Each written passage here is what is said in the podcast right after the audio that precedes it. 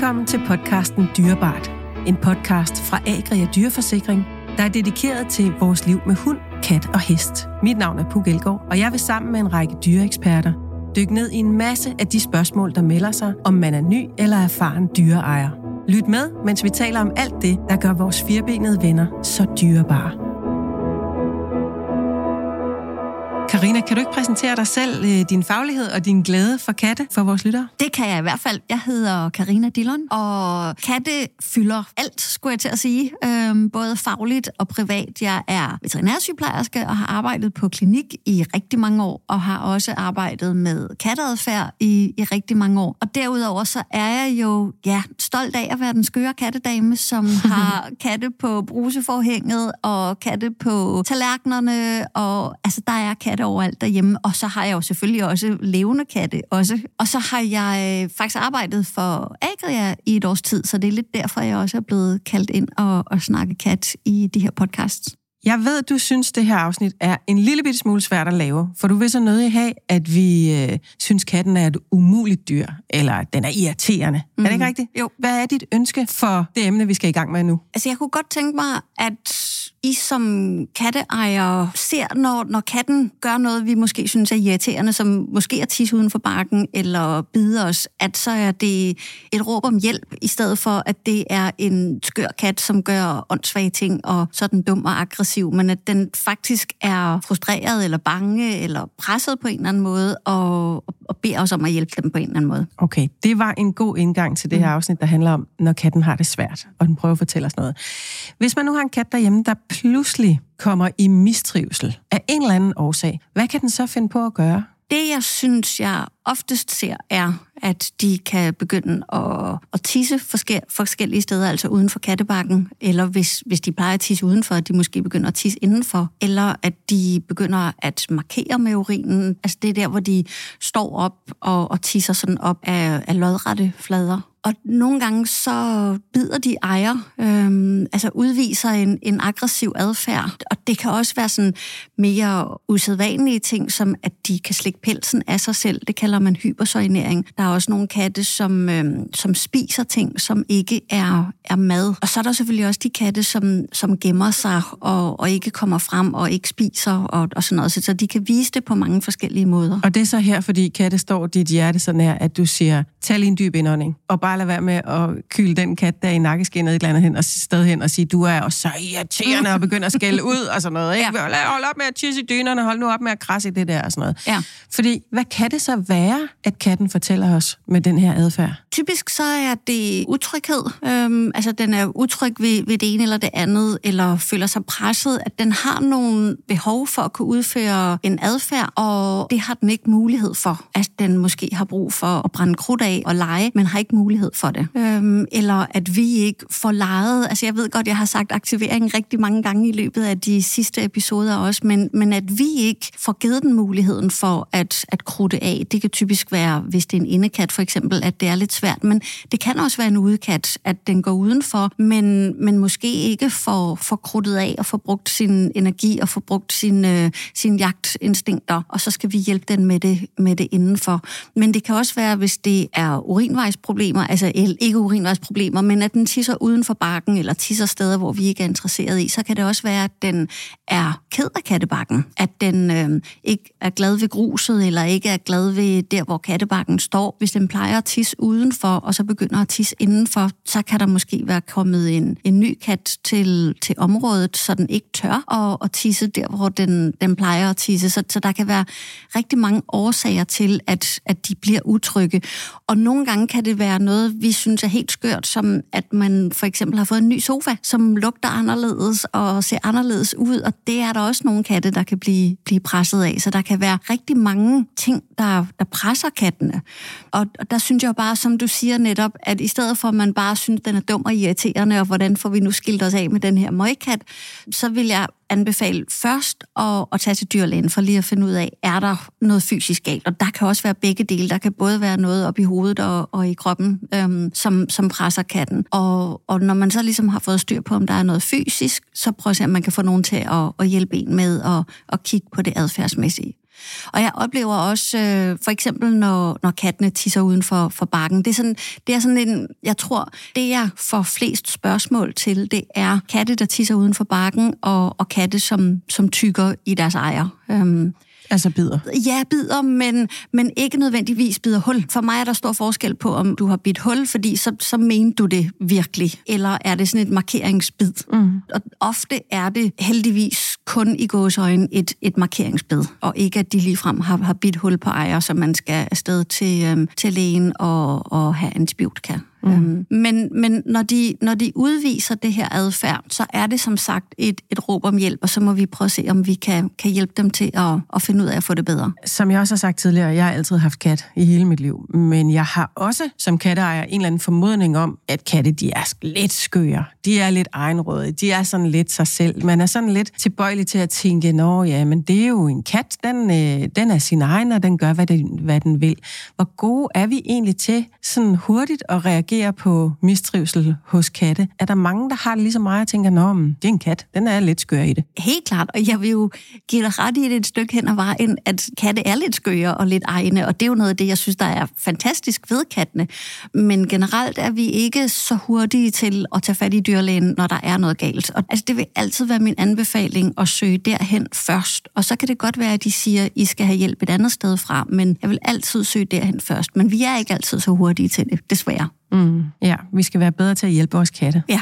Men når du så, øh, du har meget erfaring i at komme ud til en familie eller til katteejere og ligesom kigge på, hvad er der galt her? Hvad er det første, du holder øje med? Jeg vil sige, noget af det, som jeg ret hurtigt lægger mærke til, når jeg kigger rundt i et hjem, det er, hvor meget fylder katten i hjemmet, kan man sige. Hvor står kattebakken? Er der legetøj? Er der steder oppe i højden, hvor at katten må være? Eller er vindueskarmene for eksempel helt dækket til med, med fint pynt? Så, så det er sådan noget, jeg, jeg ret hurtigt lægger mærke til. Og så er det jo noget med at sidde og tale med ejer. Det tager typisk en halvanden times tid.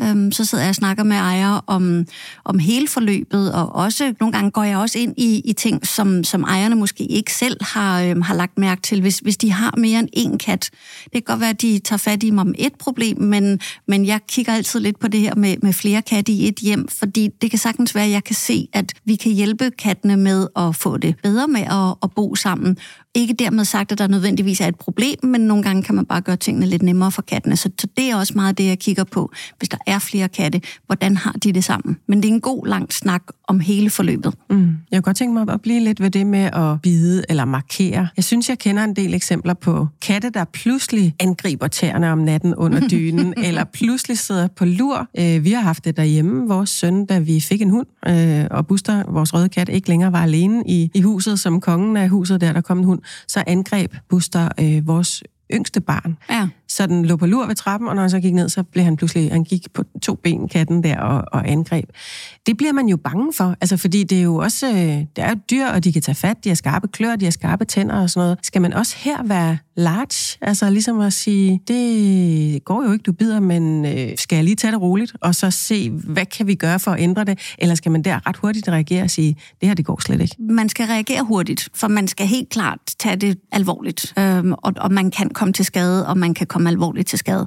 Så man skal tage det alvorligt med det samme, og man skal reagere. Øhm, og igen, og jeg ved godt, at man lidt bliver træt af, at jeg siger det samme hele tiden, men der kan også være sket noget fysisk, som gør, at den pludselig ændrer adfærd og, og bider fra sig. Så, så igen, først lige være sikker på, at der ikke er, er noget galt øhm, fysisk med, med katten, og så få nogen, der kan hjælpe en. Mm-hmm.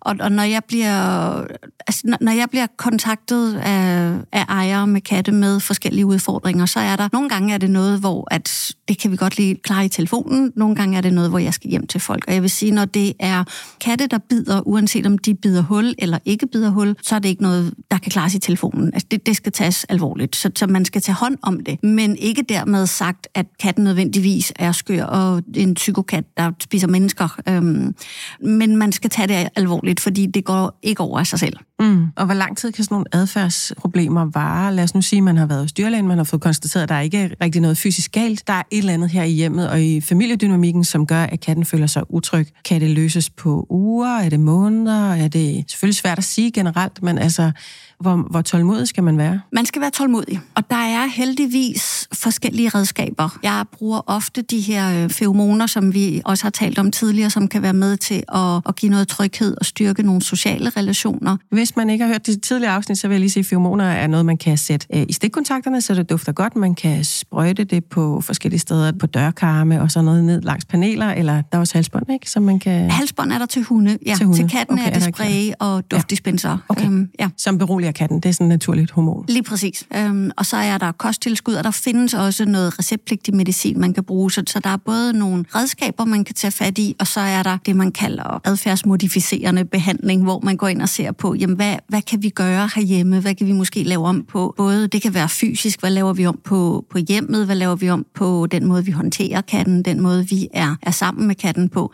Jeg gør typisk det, at så, øhm, så taler jeg jo med ejer, og så siger jeg, så lad os tale sammen igen om, om en 14 dages tid, og så ser vi, hvordan det går. Og altså, nogle gange, så, så er der allerede sket forbedringer efter 14 dage. Nogle gange er der ikke. Jeg har sådan lidt en grænse for mig selv, hvor jeg siger, altså hvis, hvis ikke tingene er blevet bedre inden for en 3-4 måneder, så skal man begynde at snakke om en plan B. Øhm, man skal i hvert fald kunne se en bedring efter en 3-4 måneder. Det skal man. Men fire måneder, det er jo også lang tid at have en kat, der angriber, for eksempel. Og, og jeg skulle lige til at sige, hvis, ja. hvis, hvis det er aggression, så, vil jeg ikke, så, så skal der ikke gå fire måneder. Nej, mm. men, men det kommer også netop an på, hvad kan, hvad kan ejer leve med os. Øhm, så det er meget forskelligt, hvor lang tid det tager, men der skal forholdsvis hurtigt komme en eller anden form for bedring. Det kan mm. godt være, at det ikke er, er løst, men en eller anden form for bedring.